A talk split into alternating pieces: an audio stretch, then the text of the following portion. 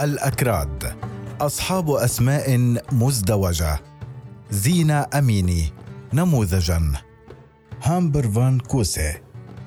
اغتيلت ژينا أميني على يد نظام الجمهورية الإسلامية في إيران ودفنت في مدينتها سقز في محافظة كردستان. وضع أهلها على قبرها شاهدة كتب عليها. زينة جان. لم تموتي. سيكون اسمك رمزا.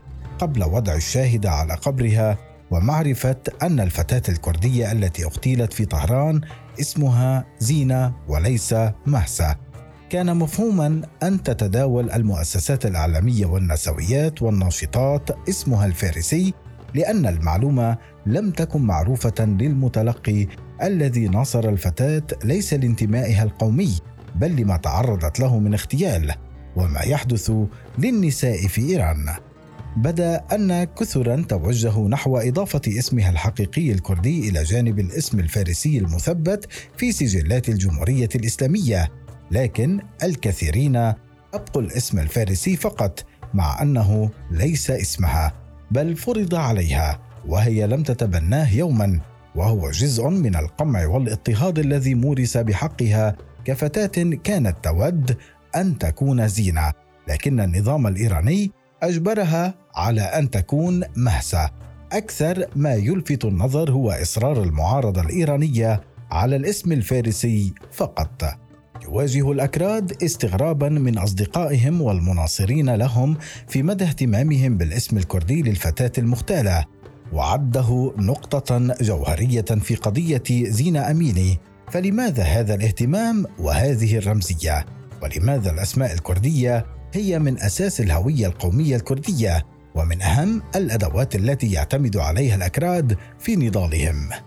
كنت أحدهم أحد الذين لا يعرفون أن ثمة مجموعة من البشر تعيش باسمين اسم حقيقي يعرفه الجميع ويعبر عن صاحبه واسم يعرفه النظام فقط ويفرضه. في مرحلة التعليم الإعدادية نقل خالي ابنه من مدرسته البعيدة إلى المدرسة التي أدرس فيها. وللمصادفة فإن ابنه وهو الصديق الذي تربيت معه في بيت جدي ومن أوائل الأشخاص الذين عرفتهم في حياتي. نقل إلى الصف الذي أدرس فيه. وعندما جاء المدير مرددا اسمه الثلاثي اعترضت وصححت له. فرد علي صديقي بأن والده أي خالي له اسمان اسم في الهوية الرسمية وآخر هو الذي نعرفه به نحن.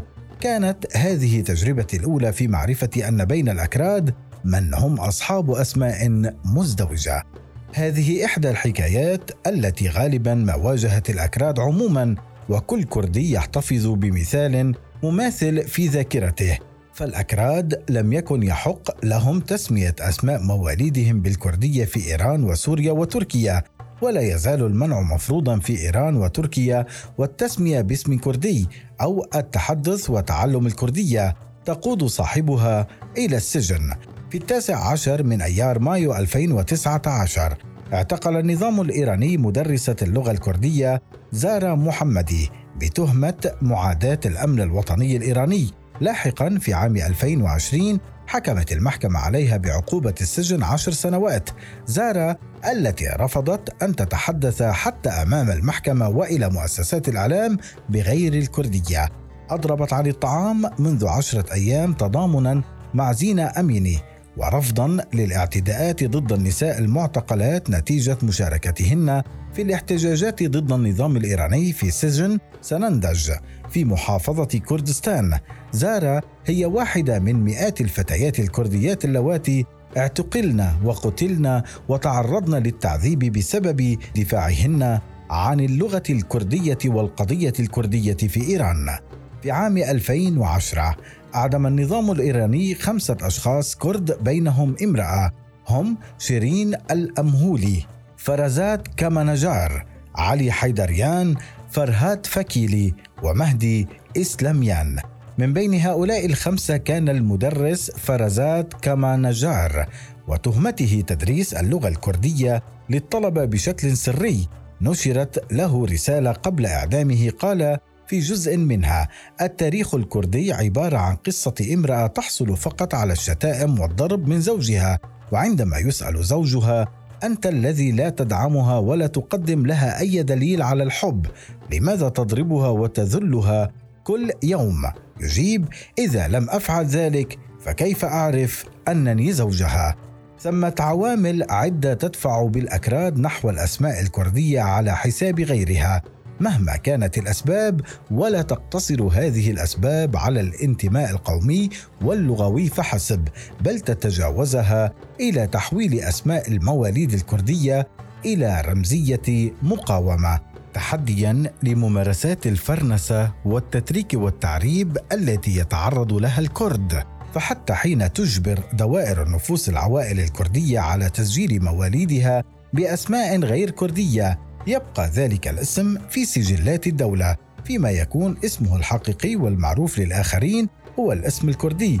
لذا ثمة نسبة كبيرة مثل زينة التي كانت في سجلات الدولة مهسا لكنها بقيت زينة وشاهدت قبرها تدل على ذلك. هكذا هم الأكراد أصحاب أسماء مزدوجة. تطور هذا الأداء. حتى بات الأكراد الذين يملكون اسما غير كردي يطلقون على أنفسهم أسماء كردية فنسبة من الأكراد المعروفين بأسماء كردية لديهم اسم آخر في سجلات الدولة وربما هذه الأسماء هي لأجدادهم وغالبا ما تكون الأسماء ذات طابع ديني. لكن اختاروا تغيير أسمائهم إلى أسماء كردية كشكل من أشكال الاحتفاء بالقومية الكردية وتحديا للأنظمة.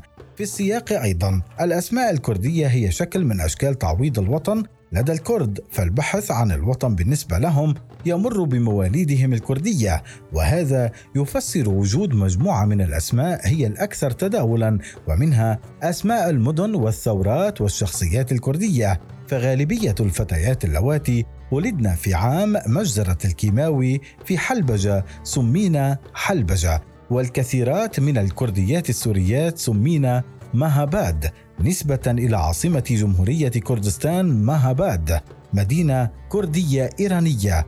إلى جانب أسماء المدن والقرى والجبال والينابيع والأنهار والرموز القومية بصورة ما يشكل الكرد خريطة بلادهم كردستان من خلال أسماء مواليدهم. زينة أيضا هي الفتاة الكردية التي يعني اسمها الحياة بالكردية. بدأت حياتها مقتولة في لغتها وثقافتها واسمها لكونها كردية لكنها اختارت التحدي كما عموم الكرديات. تحدي الحفاظ على اللغة وعلى اسمها وثقافتها وواجهت النظام حينما أعلنت نفسها الحياة حتى اغتال النظام الجانب الآخر من هويتها هويتها كامرأة.